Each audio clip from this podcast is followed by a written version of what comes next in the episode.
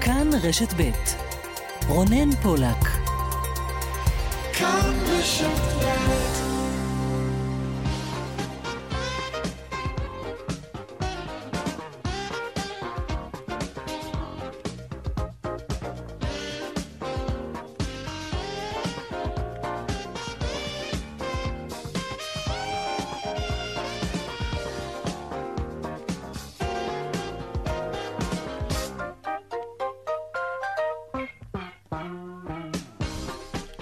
עכשיו ארבע ועוד חמש דקות בדיוק, צבע הכסף, התוכנית הכלכלית שלנו כאן ברשת ב', שלום לכם ותודה שאתם איתנו. אם אתם צריכים עוד הוכחה, אה, ניצחת אפילו, כדי לדעת עד כמה הפכנו תלויים ותלותיים בטכנולוגיה הזאת סביבנו, תנסו יום אחד להתנתק מהטלפון. לי זה קרה היום. כמה שעות לפני התוכנית, ממש, הטלפון פשוט קרס. לחצתי שוב ושוב על כפתור ההפעלה, הוצאתי את הסים והכנסתי, אפילו דפקתי עליו כמו פעם, שהיינו, אתם זוכרים? דופקים על הטלוויזיה כדי שתתעורר. לא עבד. השתמשתי בכל השיטות של החברים שלי. נתנו לי, כלום, שום דבר. הטלפון פשוט שווק חיים. תחושה של חוסר אונים. פתאום הבנתי עד כמה הטכנולוגיה שולטת בי ולא להפך. בלי וואטסאפ, בלי אימיילים, כמעט בלי תקשורת, ואני עוד מהדור שחי פה פעם, בדיוק ככה. תשמעו, חוויה לא פשוטה, ובעיקר מתסכלת. איך אומרים? אל תנסו את זה בבית. מפיקת התוכנית היום היא רונית גור אריה, טכנאית השידור היא ליטל אטיאס, אני רונן פולק, המייל שלנו כסף, כרוכית כאן.org.il. אנחנו מיד מתחילים.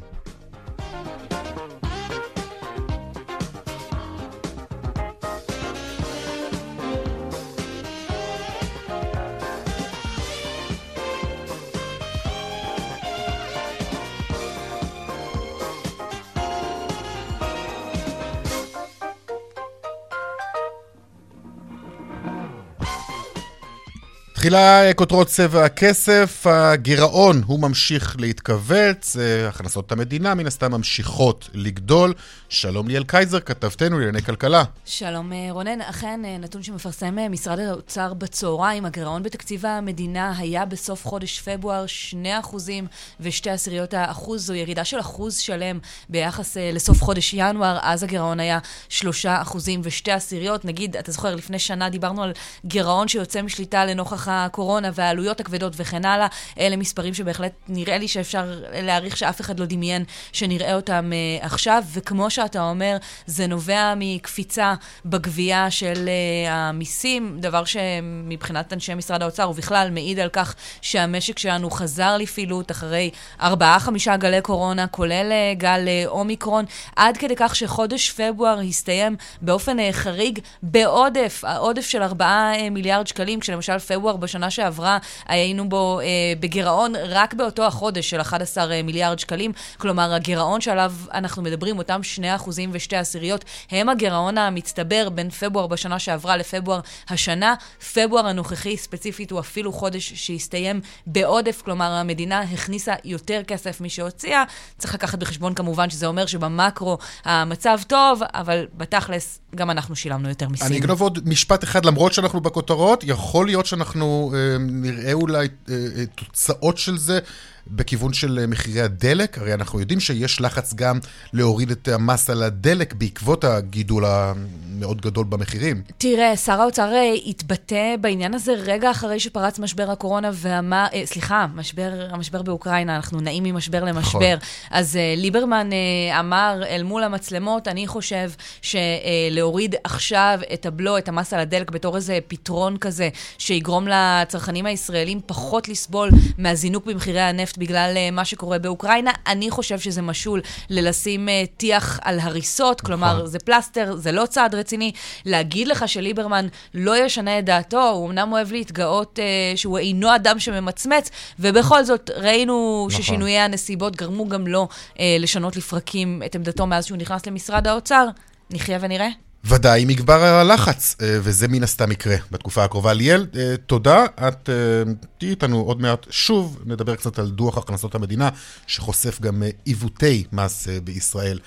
תודה בשלב הזה. המלחמה באוקראינה עכשיו, שיחת טלפון נוספת לפני זמן קצר בין ראש הממשלה בנט לבין נשיא אוקראינה. שלום גילי כהן, כתבתנו המדינית. כן, אה, שלום רונן. ראש הממשלה נפתלי בנט ונשיא אוקראינה זלנסקי דיברו היום בפעם הרביעית מאז נפגש ראש הממשלה בנט עם נשיא רוסיה פוטין, וזה קרה נזכיר רק ביום שבת האחרונה. השיחה הזו מתקיימת בצל המגעים להפסקת אש, כאשר הנשיא האוקראיני זלנסקי מצייץ שהוא מודה לישראל על מאמצי התיווך ומקווה להביא להפסקת אש. לא רק ישראל כמובן לוקחת חלק במאמצים הללו, גם טורקיה שתארח ביום חמישי מפגש בין שרי החוץ של אוקראינה ושל רוסיה במסגרת כינוס הדיפלומטיה mm-hmm. שהיא מקיימת. גם צרפת, גם גרמניה מנסות לשמש כמגשרות במלחמה הזו. תודה, אה, גילי כהן. עכשיו למשבר עם אוקראינה סביב המשך הפעלת הטיסות של חברת אל על בקו אה, לרוסיה. והעניין הזה עדיין מבעבע גם בזירה המדינית. שלום לך, שרון עידן, כתבנו לענייני תעופה. שרון. כן, שלום, אה, שלום רונן. תראה, אנחנו ראינו אתמול את הדברים שאמר כאמור אה, שר החוץ האוקראיני לגבי אל על ומערכת הסליקה, דבר שכמובן הוכח שלא אה, נכון. צריך להזכיר גם בשלב הזה וגם יממה אחרי, שעדיין מדברים על זה לא מעט, זה שבעצם אל על מפעילה טיסות למוסקבה כי מדינת ישראל מבקשת ממנה, ואפילו מצאה מימון מיוחד לטובת הדבר הזה. אגב, בהקשר הזה, ישראל גם צפויה להאריך את תוקף אותה ערבות שהיא העמידה לטובת אל על, כדי שתמשיך בטיסותיה בין מוסקבה לישראל. Mm-hmm. הערבות אמורה לפוג מחר בחצות, אבל אין כמעט ספק שהיא תוארך בזמן הקרוב ולימים הקרובים. אה, בכל מקרה, העניין המדיני הזה עדיין מבעבע, אנחנו רואים לא מעט תגובות לדברים שאמר שר החוץ האוקראיני, בין היתר שמדינת ישראל או אל על בעצם נהנית מכסף שספוג בדם כאמור, אבל בסופו של דבר אה, אל על אמרה שכבר ב-28 בפברואר היא למעשה לא מקבלת את הכסף של מערכת הסליקה הרוסית הזאת, אבל כן, הטיסות עצמן נמשכות, וצריך לזכור שיש לא מעט יהודים שמעוניינים למרות שהלוחמה לא ברוסיה להגיע לישראל, ורק היום מגיעות שתי טיסות מיוחדות של אל על ממוסקבה טיסות מלאות לחלוטין, כלומר יש הרבה מי שרוצים להגיע לישראל עקב המתיחות, רונן, גם בימים האלה. תודה, שרון. היום הוא יום האישה הבינלאומי, פערי שכר בין נשים לגברים, מיעוט של נשים בתפקידים בכירים, בחברות הציבוריות ובכלל, אלה נושאים שראוי לעסוק בהם כל השנה, לא רק היום. ואנחנו מבטיחים להמשיך ולעסוק בהם, לאו דווקא היום, ובכל זאת, הנה תחום אחד שדווקא נפנה אליו אה, זרקור היום, ענף האופנה. מרבית המנהלים בתחום הם גברים, וגם מעצבי אופנה הם ברובם גברים. מדוע? נדבר כאן עם מעצבת אופנה עם קול קצת אחר. ועוד בצבע הכסף בהמשך על גל העלייה לישראל בעקבות המלחמה לאוקראינה. האם ישראל ערוכה לקלוט כאן עשרות אלפי עולים בתחום הדיור למשל? ומה זה יעשה למחירים? וגם השבוע הוא שבוע צמצום בזבוז המזון. שימו לב, כרבע מהמזון שאתם קונים, אתם זורקים לפח. 60% מהמזון הנזרק ירקות, 30% מוצרי חלב. במילים אחרות, אה, זה נחמד להתלונן על אה, מחירי הפסטה, אבל מצד שני, כדאי אולי אה, לקנות קצת פחות וביותר תבונה. תהיו מתוכננים, אל תעמיסו סתם, חבל. זה ילך לפח, נדבר על כך, וגם הדיווח משוקי הכספים כרגיל לקראת סוף התוכנית. צבע הכסף, עד חמש, אנחנו מיד ממשיכים.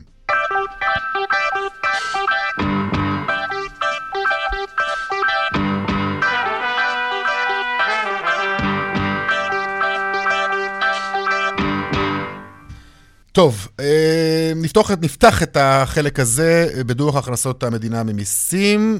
שוב שלום לך ליאל קייזר, כתבתנו לענייני אה, כלכלה. שוב שלום רונן. מה מצאת שם אז אני חייבת להגיד לך קודם כל, לך ולמאזינים, שיש כזאת נטייה כשאנחנו אומרים את המילה מיסים, לחשוב על איזה משהו אפור וכזה אוטומטית אה, להפסיק להקשיב.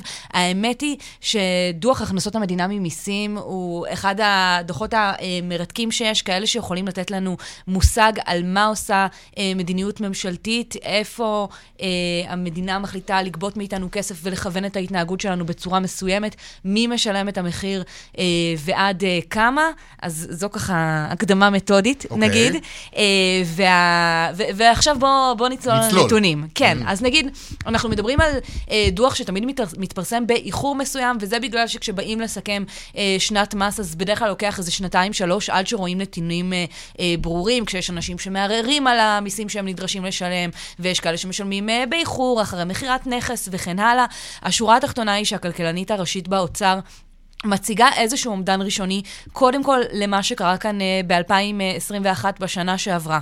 Uh, ולפי האומדן המאוד ראשוני הזה, uh, כל ההכנסות של המדינה, ואנחנו כוללים גם הכנסות של רשויות מקומיות, וגם מיסים עירוניים כאלה שאנחנו משלמים, וכן הלאה, וביטוח לאומי, ובכלל, כל ההכנסות של המדינה ממיסים ב-2021 הסתכמו ב-496 uh, מיליארד שקלים, ואנחנו כמובן צריכים לשים את זה בפרופורציה, אז נגיד... נגיד שזו עלייה של 22 אחוזים ביחס ל-2020, ואתה מיד תגיד לי שמדובר בשנת קורונה וזה לא שנה להשוות אליה משהו, אז נגיד שזו גם עלייה של 20 אחוז אה, ביחס ל-2019, ושוב, נשאלת השאלה, האם ייתכן שפשוט ככה המספרים אה, קופצים משנה לשנה באיזה קצב אקספוננציאלי? אז נגיד שממש לא ככה, רונן. כלומר, 2021 היא שנה שבה שיעור הגידול של אה, הכנסות המדינה ממיסים היה גבוה כמעט פי חמישה וחצי מההיקף שבו ההכנסות של המדינה גדלות בכל אה, שנה. במשרד האוצר מייחסים את זה להתאוששות אה, ממשבר הקורונה, אה, לגידול. האדיר של ענף ההייטק במהלך המשבר, גם בגלל uh, העובדה שהיה uh, צורך לחפש uh, פתרונות uh, טכנולוגיים והרבה חברות פרחו, גם בגלל שפשוט היה הרבה כסף פנוי, הרבה אנשים שברחו מהשקעות אחרות, שחששו וחיפשו uh, אפיקים אחרים, וכך הכסף שלהם התגלגל uh, להייטק, משם לפעילות uh, כזו שהיא בת מיסוי ולקופת המדינה. כן חשוב לשים לב, לב לזה, כי אנחנו נשמע, ובטח כבר שומעים ונשמע עוד הרבה בעתיד את הפוליטיקאים שלנו אומרים, הנה, המשק משגשג, גביית המיסים נהדרת, יש הרבה כסף ואפשר להתחיל לחשוב אה, איך מחלקים אותו, למי, למה, כל אחד לציבור שלו אה, ולבוחרים שישמחו בו, ולכן צריך ככה לשים כאן כוכבית ולהגיד שההערכה היא שאנחנו ראינו בכל זאת בין 2020 ל-2021 איזושהי אה, פעילות חריגה כזו שמתרחשת באמת אחרי משבר גדול מהסוג הזה, ולכן צריך mm-hmm. להתייחס אה, בספקנות להערכה שהגידול ימשיך להיות בקצב כזה.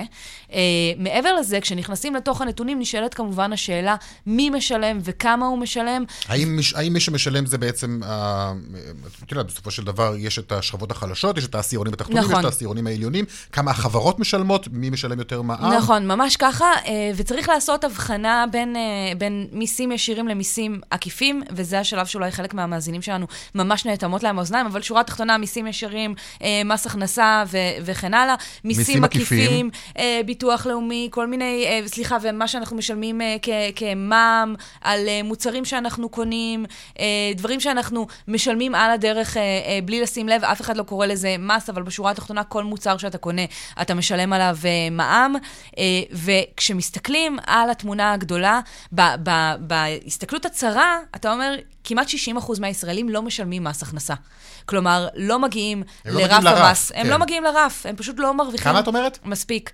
כמעט 60 אחוז. וואו. כן. זה המון. Uh, זה המון, זה היה בערך 50, זה צמח לבערך 57 אחוז מהישראלים, שפשוט מרוויחים מעט מדי. מכדי... אגב, וזו uh, בשורה לא טובה, כי זה מראה לנו בעצם ש, ש, שיש היום יותר אנשים שלא מגיע, לא מצליחים להגיע לרף המס. נכון, ממש ככה. Uh, זה בגלל שיש הרבה אנשים שההכנסה שלהם נפגעה במהלך הקורונה ועוד לא הצליחו uh, להתאושש. להתאושש. ולכאורה יכולה לבוא המדינה ולהגיד, הנה, אני מטיבה עם השכבות החלשות, ונטל המס על השכבות הגבוהות הוא לכאורה uh, גבוה ביחס למדינות אחרות בעולם, אלא שכשאנחנו משקללים את המיסים העקיפים, אה, כמו המע"מ למשל, אנחנו מגלים שבעצם מי שמשלמים למדינה אה, וביוקר, אלה, הם, אה, אלה הן השכבות החלשות. נטל המס על ההכנסה הברוטו של מי שנמצא בעשירון התחתון משלם כמעט 40 אחוז מהשכר שלו במיסים, 37 אחוזים,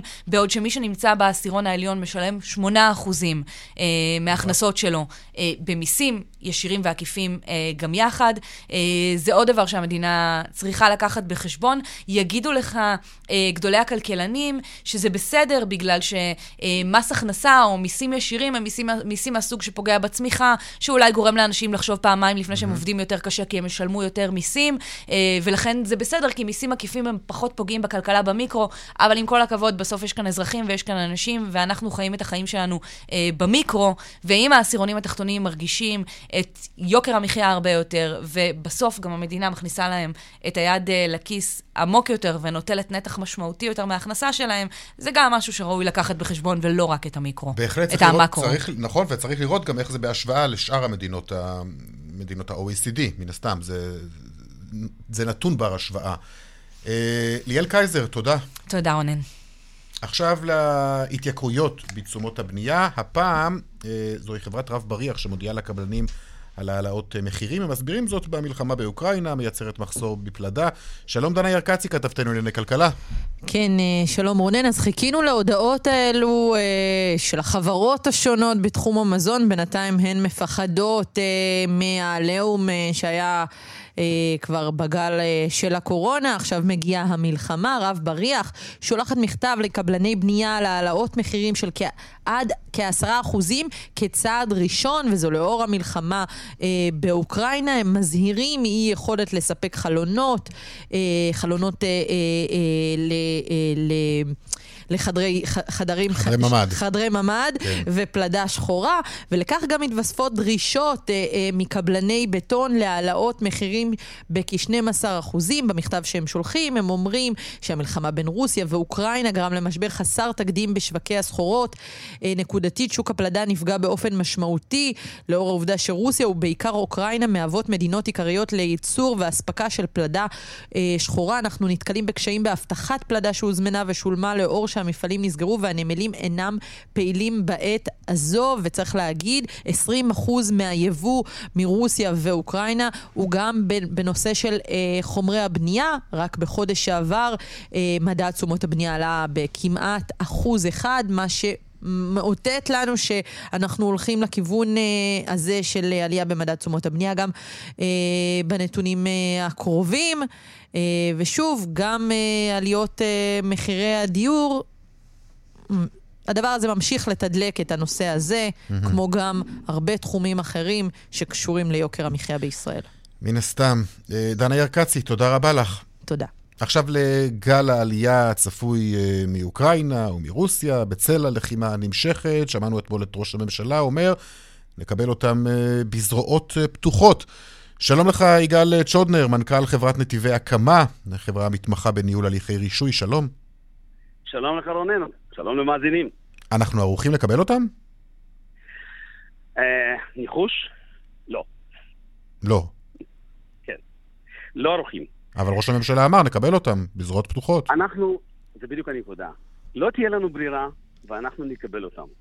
אבל אני חייב להגיד לך, כמו שגם אחד שעליתי לפני למעלה מ-30 שנה. מאוקראינה, נכון? מאוקראינה, מקייב, נכון.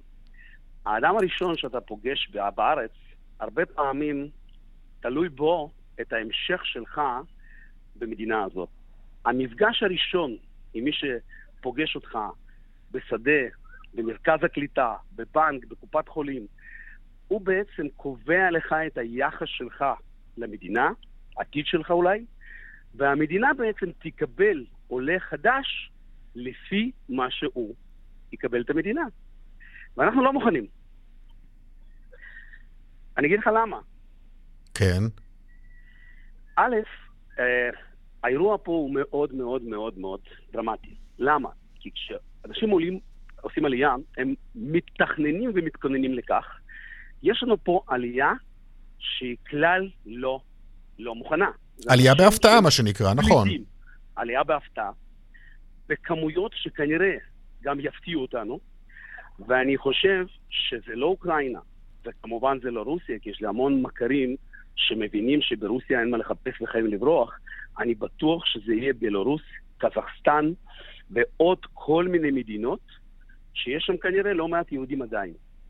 כשאנחנו מדברים על כמות אנשים שבאים עם כנראה בלי כלום, עם אירוע אה, כזה או אחר במשפחה, אירוע טראומטי עם בני משפחה, עם ילדים, נכון? שגברים, שגברים כנראה נשארים שם, לא יכולים לצאת. ההיערכות של המדינה היא חייבת להיות מאוד מאוד, מאוד, מאוד מורכבת. כן, אבל יש היערכות לטווח קצר ויש היערכות לטווח ארוך. אנחנו לא מוכנים לא לזה או לזה. למה? קודם כל, אנשים צריכים לגור באיזשהו מקום, ואנחנו במחסור דיור מטורף. תתאר לעצמך שעכשיו מתווסף משהו פתאומי, ואין לנו כרגע אריק שרון, ואין לנו קרוונים, ואין לנו שום תוכנית כרגע חירום. כרגע. שברור שבעוד שבועיים חייבים להפעיל אותם. דבר שני, זה לא מספיק. אנשים צריכים ללכת לקופות חולים, לרופאים. זה אנשים שלא כולם אה, גיבורי על.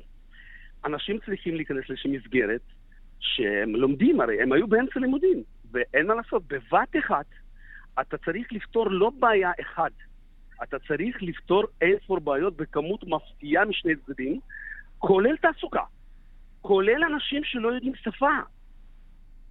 אני... אנחנו מוכנים לאירוע הזה? אני חושב שיש דרך להיערך לאירוע כזה? קודם כל, לא תהיה לנו ברירה, כי אנחנו ניכנס לאירוע הזה, אז מה, מה יש לנו אופציה? אז מה, אוקיי, אז מה צריך לעשות? ברגע שאתה יודע, נקלענו, כן, אנחנו נמצאים כבר בתוך המצב הזה, שבו מגיעים לכאן אה, עוד ועוד עולים, וגם אה, קוראים להם להגיע, אז מה עושים? אנחנו יודעים שכן, זה יעמיס על המערכת, ללא ספק, זה יעמיס על כל המערכת שיכון ובתי ספר וקופות חולים ותשתיות והכול, ועוד פעם יגידו למה מורידים אה, משכורות, כי הם מוכנים לעבוד באפס משכורת וזה פוגע בישראלים והמון דברים. אני חושב ש... תקשיב, הלוואי והייתי יודע לפתור את הדברים האלה והייתי ממשלה, אבל אני, כי א', שאחד חוויתי את זה, וב', שהמון עוסק במערכות אה, סטטוטוריות ורשויות, במובן כמובן נדל"ני, אבל לא רק. הנקודה היא כזאת, אנחנו צריכים לעשות פעולה שהיא מאוד מאוד משגרתית. א', אנחנו צריכים לגייס המון המון ציבור, ציבור רחב, בהמון המון מסגרות, שתהיה התגייסות לסייע למערכות מדינה. שאנשים ייקחו יוזמה, ואנחנו אלופים בזה. אלופים בזה. בליווי, בקליטה, בדאגה לאוכל, וזה קורה, אבל זה לא מספיק מובנה, וב' חשוב מאוד, לא להכניס אותם לאוכלוסייה, לגטאות, לא אה, לתת להם מקומות פיזור בארץ, ולא רק למרכזי קליטה, על מנת שהם יוכלו לא רק להיות ביחד עם הטראומה הזאת, אלא להשתלב עם התרבות שלנו ועם החיים שלנו, שהם, תאמין לי, לא מבינים בכלל את הפער בין החיים. הם חיים בעבדות, גם באוקראינה, גם ברוסיה, בגלל שהם עדיין בטראומה של ברית המועצות, הם לא שם. הם לא מבינים בכלל את השיקולים של מדינת ישראל ואיך זה לחיות במדינה חופשית שבית המשפט לא משוחד, ולא לא שם. קודם כל התגייסות. דבר שני, המון גמישות, המון פישוט. חלק מהדברים צריך לתת פטורים, לפשט, אולי לקחת מבנים ולעשות הסבה למגורים. להכשיר אולי אנשים שעושים עוד פעם אה, אולפני לשפה. למה? כי בעבר, כשהיה מיליון עולים ב-91, היו המון מורים לעברית, היום כמעט ואין. אז אני חושב, וכל עולה שאני נגיד, הוא יכול להיות גם מורה לעברית. אני חושב שאם אנחנו לפני חודש והיום עושים, חיים אותו דבר, הממשלה לא עשתה משהו אחר קיצוני, אני חושב שאנחנו לא מוכנים, כי המצב השתנה. אוקיי, לא מוכנים, אבל בכל זאת, אתה יודע, זה מצב שצריך להתכונן, לא, לא יודע אם להתכונן, אבל כרגע זה המצב, והצגת את הבעיות, אני אה, מקווה מאוד שנוכל למצוא גם את הפתרונות אה, לבעיות אני האלה. אני חושב שלא תהיה לנו ברירה, אנחנו נקבל אותם, והם יהיו אזרחים מאושרים במדינת ישראל, לפחות כמוני, אם לא יותר. ואני חושב שזו התרגשות, כי אנחנו כל פעם אומרים, בוא נחכה לעלייה, תהיה עלייה, וכל יהודי יש לו מקום פה. ואני חושב שזו זכות גדולה והתרגשות גדולה לתת להם מקום, לקבל אותם בחום, להבין אותם, שכולם יישארו פה ולא ירצו לחזור למקומות שהם פחות טובים ממדינת ישראל. יגאל אה, צ'ונדר, צ'ונדר, מנכ"ל אה, חברת כן. נתיבי הקמה. אתה נקלטת פה היטב, אני כבר אה, רואה, 30 שנה. חברה מתמחה בניהול הליכי רישוי, תודה רבה לך. גם אנחנו עומדים לרשות עולים חדשים. תודה לך, תענוג ורק בשמחות. תודה. דיווחי תנועה עכשיו.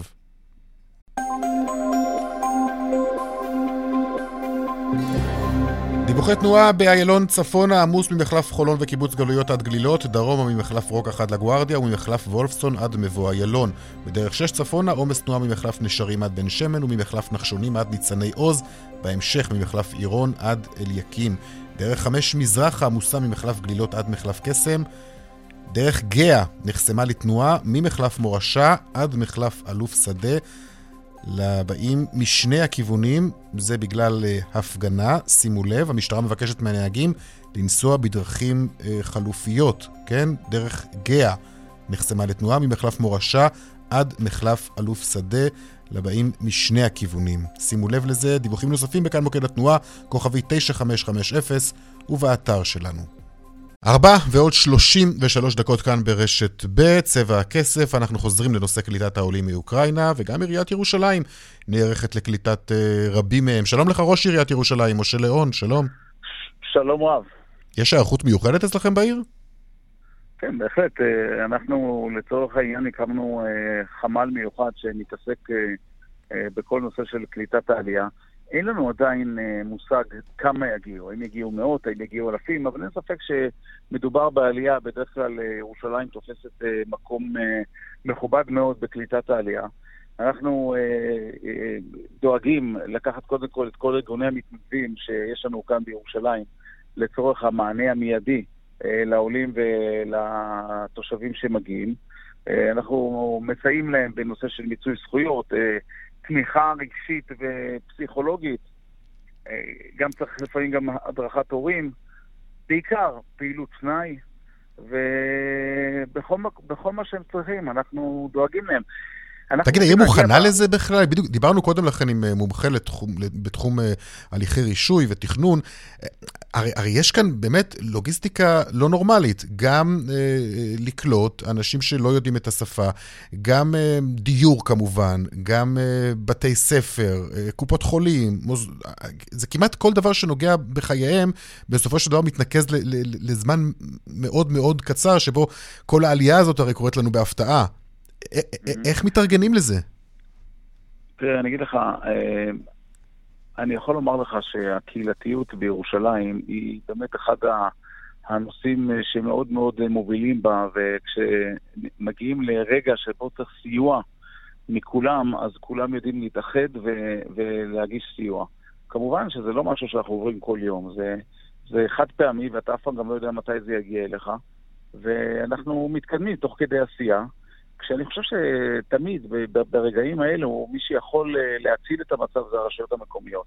לרשויות המקומיות יש את הכוח, יש את הגישה הכי ישירה לתושבים, אה, וביחד כולם אה, עושים את הכל על מנת שהעלייה תיקלט בצורה יפה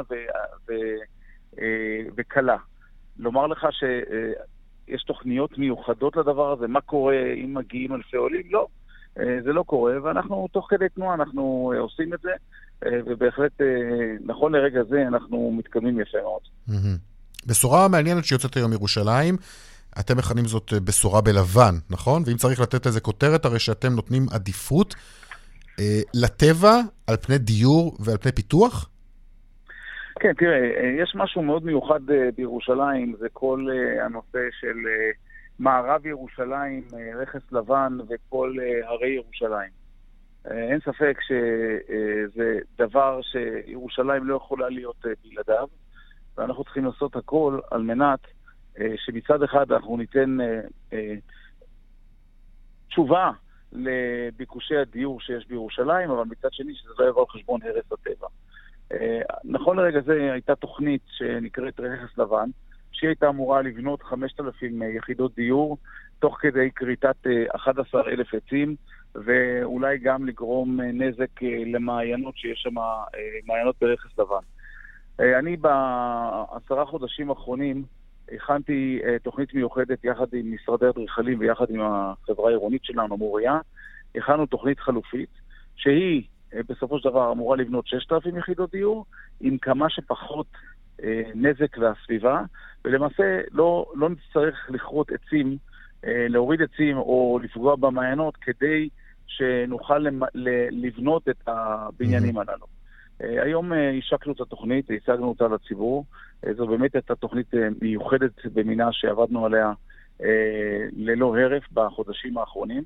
והיום למעשה יצאנו לציבור. אני מקווה שאנחנו... ונדמה לי שזו הפעם הראשונה שתוכנית בשלבים כל כך מתקדמים לא מקבלת היתר בסופו של דבר, כפי שהיא תוכננה לפחות בתוכנית המקורית. אה, נכון, זו תוכנית שכבר אה, מתוכננת אה, ברשויות כבר הרבה הרבה שנים, אבל בכל זאת, אני נבחרתי לפני שלוש שנים, בשנה האחרונה נכנסתי לנושא הזה באופן רציני. אני חייב לומר לך שב... פעם הראשונה שהגעתי כדי לראות את גודל התוכנית ואת מה שהיא גורמת, אה, אמרתי שאצלי זה לא יכול להיות כזה דבר, אני לא יכול לתת יד לתוכנית כזו, אבל... אה, שזה לא יתרום בסופו של דבר, אתה יודע, למחירי הדירות לעלות עוד.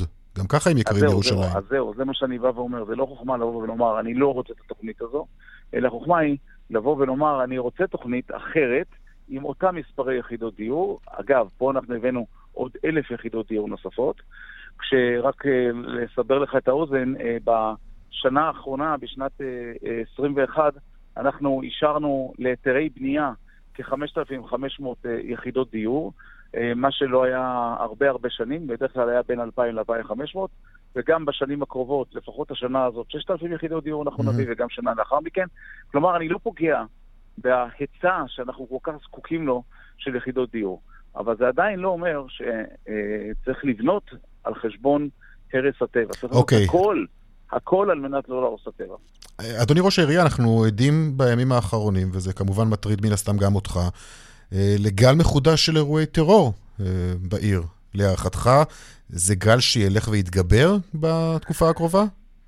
תראה, קודם כל, אה, אנחנו לפני חודש הרמדאן, וגם הסתכלתי בשנה שעברה ולפני שנתיים, גם היו אירועים לא טובים לפני חודש הרמדאן. אנחנו עושים הכל על מנת להתכונן לכזה גל, אם בכלל יגיע, אני מקווה שלא יגיע. אה, המשטרה, אני חייב לומר לך שעושה עבודה נהדרת. אה, למזלנו הרב, אה, כל הפיגועים האחרונים, האחרונים נבלמו על ידי המשטרה, ואני מקווה מאוד שאנחנו, יש לנו את התשובה, אנחנו עושים את הכל, מגבירים את הביטחון, ו... אבל יש, יש היערכות מיוחדת, אפשר לחוש בהיערכות מיוחדת בתקופה הזאת?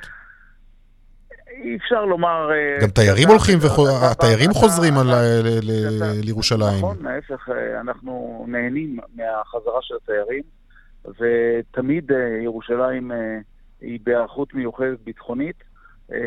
היום אני חושב, אגב, אתה יודע, לא מזמן הייתי בחוץ לארץ, גם ראיתי היערכויות של הכוחות ביטחון שלא יהיו אירועים. אנחנו עושים הכל על מנת שלא יהיו אירועים, ואנחנו, בעזרת השם, אנחנו נצליח גם. משה ליאון, ראש עיריית ירושלים, תודה רבה לך. תודה רבה. להתראות. טוב, יום האישה הבינלאומי היום. ההכנסה הממוצעת של אישה שכירה, כ-8,300 שקלים, לעומת 12,000 לגבר. גברים משתכרים 30 אחוזים יותר מכלל המנהלים השכירים בישראל, רק שליש נשים. שיעור התעסוקה של נשים עומד על כ-55 אחוזים לעומת 62 אחוזים בקרב הגברים. 70 אחוז מהנשים המועסקות עובדות במשרה מלאה, אבל רק 9% מהנשים שעובדות אה, בלבד אה, הן עצמאיות. הנה הדיווח של אסף פוזיילוב. דלית כצנלסון היא האישה היחידה שמנהלת מרכז לוגיסטי של תנובה, שלה בדרום, מתוך חמישה מרכזים בארץ, רק אישה אחת, תחום שנחשב גברי וקשוח. היא מנהלת 540 עובדים שמספקים את כל מוצרי החלב מראשון לציון עד אילת, יותר מ-4,000 לקוחות. בכלל, מכלל המנהלים השכירים בישראל, רק שליש נשים. לטענתה, הסיבה שאין עוד היא שנשים לא מעיזות.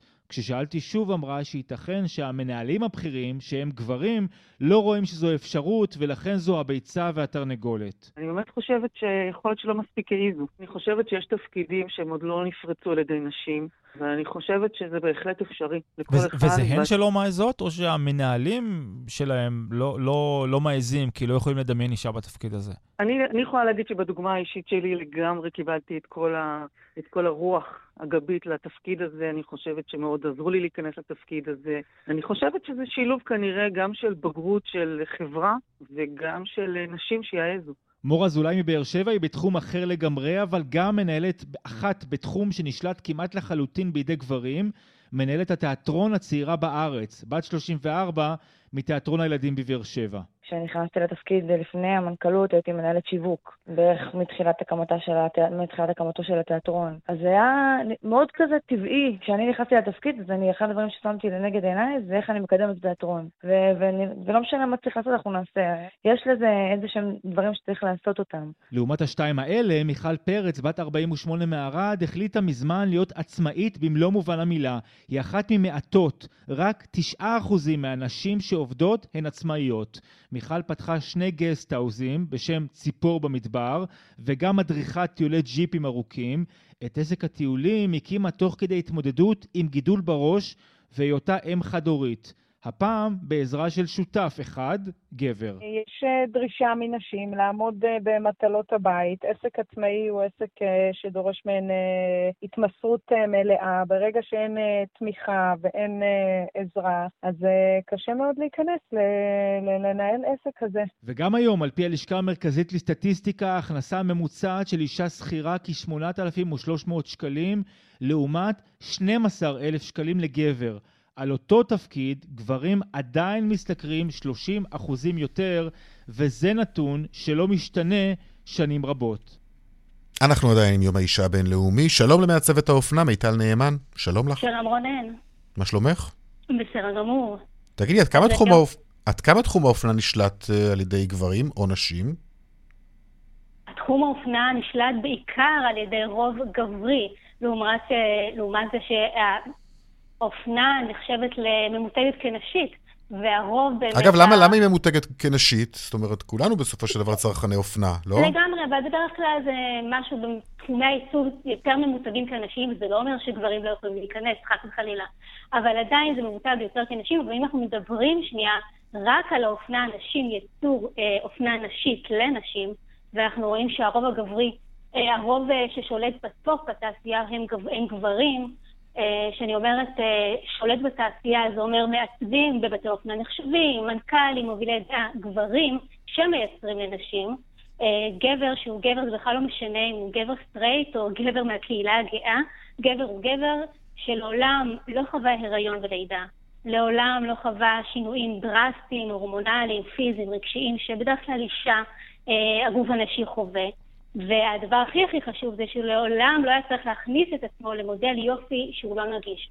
אז שגבר, שהרוב הגברי, אה, ואני אסתכל רק על התחום העיצובי, אה, נותן טון מסוים ומסתכל אה, על הגוף הנשי ונותן את הטון העיצובי שלו, וזה מה שאנחנו בסופו של דבר לובשות, אנחנו רואים הרבה פעמים קורבנות אופנה מאשר נשים שצורכות. רואים הרבה פעמים מה? קורבנות אופנה מאשר אנשים שצורכות אופנה. אני יכולה להגיד לך בתור אחת, אה, בתור מעצבת אופנה, הדבר הראשון, וכאישה כמובן, הדבר הראשון שאני עושה כשאני מתחילה תהליך עיצובי, זה קודם כל להסתכל על עצמי במראה ולהגיד ולראות מה אני צריכה ומה הגוף הזה צריך. וזה, ומשם אני מתחילה תהליך עיצובי, ולא מסתכלת על ה vision שאני רוצה, איך אני הולכת לשנות ולתכנת את הגוף הזה מחדש. ולצערי, הרבה פעמים אני רואה את זה. עכשיו, אני לא אומרת שגבר אינו יכול לעצב לאישה. ההפך, יש הרבה גברים, גם בתעשייה המקומית שלנו וגם בתעשייה העולמית, הרבה גברים שעושים חסד עם הגוף הנשי ובהחלט השראה, אבל עדיין, כשאנחנו רואים אה, אי שוויון מגדרי מאוד מאוד אה, חזק, שזה לטובת הגברים ופחות נשים שנכנסות לכאלו תחומים, לכאלו תפקידים אה, גבוהים ב top של התעשייה הזאת, זו בעיה מאוד מאוד רצינית. את יודעת, בואי, נס, בואי נבחין בין מעצבי אה, אופנה, את אומרת, ברובם הם גברים, נכון? לפחות אה, של... גם, אה, גם מעצבים, גם מעצבים, ברובם. חברות האופנה הבולטות, נכון? אנחנו מדברים רק על ה top כרגע. אני אה, מדברת גם אה, בתחום העיצובי, אבל גם מהתחום הניהולי, שזה לא פחות אוקיי, חשוב. אז, אז זו בדיוק ההבחנה שרציתי לעשות. לגבי מעצבים, שזה, ש, ש, שיש בו אלמנטים אומנותי, אומנותיים אה, מן הסתם, ויש בהם, את אומרת, בעיקר אה, גברים.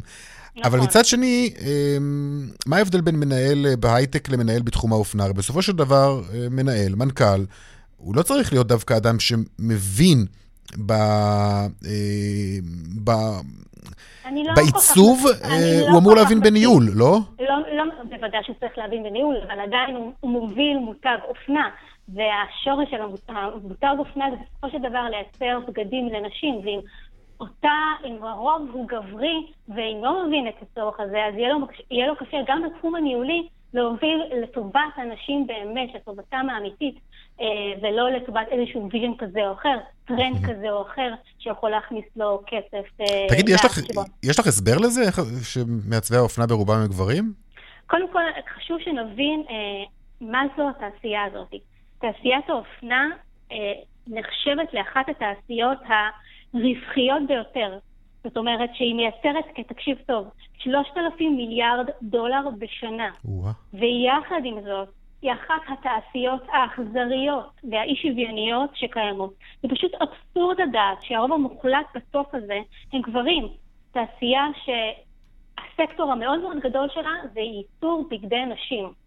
זה דבר שצריך קודם כל אה, להבין אותו. עכשיו, למה זה קורה? אני יכולה להגיד לך, אה, קודם כל מהמקום האישי, בתור אחת שמפלסת את דרכה אה, בתחום הזה, שבכל תחום, אם אנחנו נסתכל במקום, אם נסתכל בראייה רחבה, לנשים מאוד מאוד קשה להתברג לתפקידים מאוד מאוד בכירים. וזאת בגלל שהן לא יכולות או לא רוצות לעטות על עצמן אה, תכונות גבריות. כשאני אומרת תכונות גבריות זה דומיננטיות גברית, אסרטיביות, יכולת להשתמש במרפקים. ואם אנחנו נסתכל על אנשים שנמצאות בדרג הגבוה בכל תחום, במדע, בפוליטיקה, במיוחד בפוליטיקה, אה, בעסקים, אנחנו נראה, אם נכניס את כל הנשים האלו לאיזשהו מחנה משותף, אנחנו נראה נשים שמאוד מאוד מחצינות את האסרטיביות שלהם, את הדומיננטיות שלהם, בהחצנה מאוד מאוד גלויה ונראית לעין, על מנת שישימו לב אליהם, שישימו לב למה שיש להם להגיד. וזה דבר שהוא עצוב, אבל זו המציאות. עכשיו, אם אנחנו נסתכל שנייה על הנתונים, mm-hmm. נסתכל על, על תעשיית האופנה כפירמידה. אם אנחנו אומרים שה top שלנו אה, זה גברים, זה הרוב הגברי, אם okay. נרד. שנייה למטה, לבסיס של הפירמידה, ואפילו לפני הבסיס של הפירמידה, אם נדבר על כרטיס הכניסה לעולם הזה, אנחנו נראה שכ-85% מהסטודנטים לאופנה הם נשים. אני זוכרת את עצמי שהרוב המוחלט שהיה מסביבי זה בכלל היו נשים. אולי פה שתיים, שלושה אה, גברים סטו... ש... אוקיי, סטודנטיות פ... יותר מסטודנטים, הרבה יותר, את אומרת 85 אחוז. זה, זה אחוז מטורף. נכון. אנחנו מסתכלים על זה. ולא, ועוד משהו, אם אנחנו נעלה טיפה לבסיס של הפירמידה, לעובדי הכפיים, סופרות, כן. תדמיתניות, מוכרות, רובן, נשים. שהן בדרך כלל גם משתכרות בשכר מינימום, ואנחנו, ואנחנו גם יודעים שבארצות מסוימות גם הרבה הרבה פחות. אז זה משהו שצריך להבין שיש פער מאוד מאוד גדול כשמסתכלים על פירמידה אה, ממבט על, שהפירמידה בנויה אה, בבסיסה והכניסה לפירמידה. אה, לנשים והבסיס, הדרך, יש בעיה בדרך אה, לפלט את הדרך על מנת להגיע לתפקידים בכירים בניהול, בעיצוב. אה, שזה דבר שנורא נורא כן. בעייתי. עכשיו, למה זה קורה? כמו שאמרתי לך, זה באמת עניין של חוסר העזה, גם זה אמרו את זה בכתבה לפניי, אה, נשים פחות מעיזות, וזה מפחיד אותם להגיע למקומות האלו ולעטות על עצמם כאלו תכונות. ולפעמים דווקא התכונות האלו, אה, אלו, הם יגרמו בסופו של דבר לקבל תפקיד כזה או אחר. אוקיי, okay, הדברים ברורים, בהחלט קול מעניין אה, שהשמעת כאן. מיטל נאמן, אה, בעלת המותג, מיטל נאמן, אופנה לנשים. תודה רבה לך, ובהצלחה. תודה, תודה להתראות.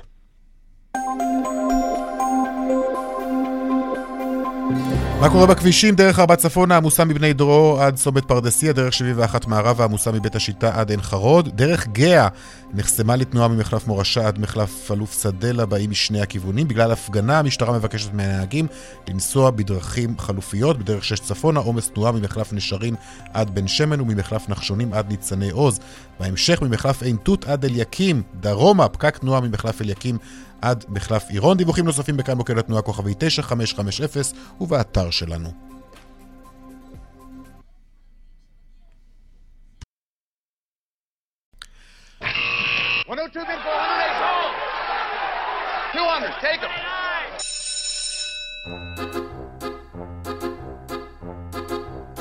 שלום אייל ראובן, מנכ"ל טאוור, מה שלומך? שלום, שלום רונן. שלומנו, אתה יודע, בהתחשב בנסיבות בסדר, mm-hmm. בשווקים קצת פחות בסדר, כמו שכולם רואים ושומעים ויודעים וחווים, וככה במגמת ירידות, די רצופה בתקופה האחרונה מאז שהתחילה הלחימה והסנקציות מתגברות.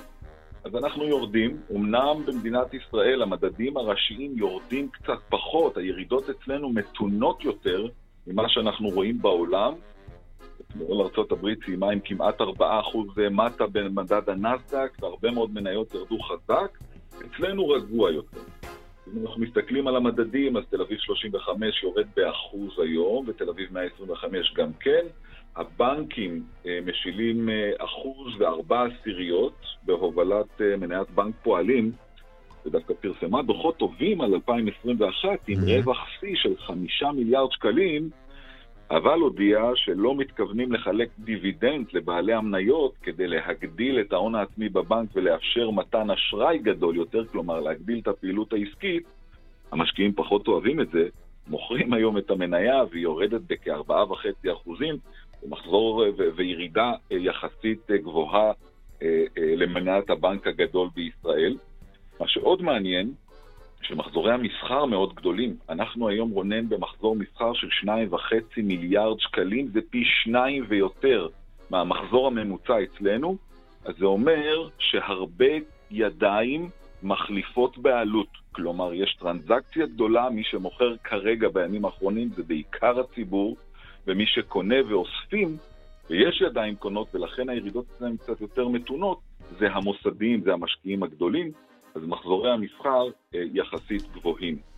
אירופה, אם אנחנו מסתכלים בקצרה, אנחנו רואים עליות שערים קלות של כרבע אחוז, אה, הדאקס עולה בשתי עשיריות האחוז. אם אנחנו מסתכלים על פתיחת המסחר כרגע בארצות הברית, אנחנו פותחים בירידות light. אחרי שלושה ימים רצופים של ירידות חדות, אנחנו רואים כרגע את הנסדק יורד בארבע עשיריות האחוז ואת ה-S&P יורד בשלוש עשיריות האחוז. מט"ח לסיום, כן. שזה בעצם החוף או המקלט שכולם רצים אליו, דווקא בתקופה הזאת, אז רואים את המגמה החיובית של הדולר מול השקל. כמה, כמה? אנחנו כבר בקידומת של 3.304. אוקיי. זו קידומת שלא ראינו הרבה זמן. אייל ראובן, תודה. צבע הכסף, סיימנו. הפיגה את התוכנית היום רונית גור אריה, טכנאית השידור ליטל אטיאס. אני רונן פולק, תודה לכם על ההאזנה. תוכנית נוספת של צבע הכסף גם מחר בארבע. ערב טוב שיהיה לכם. להתראות, ביי.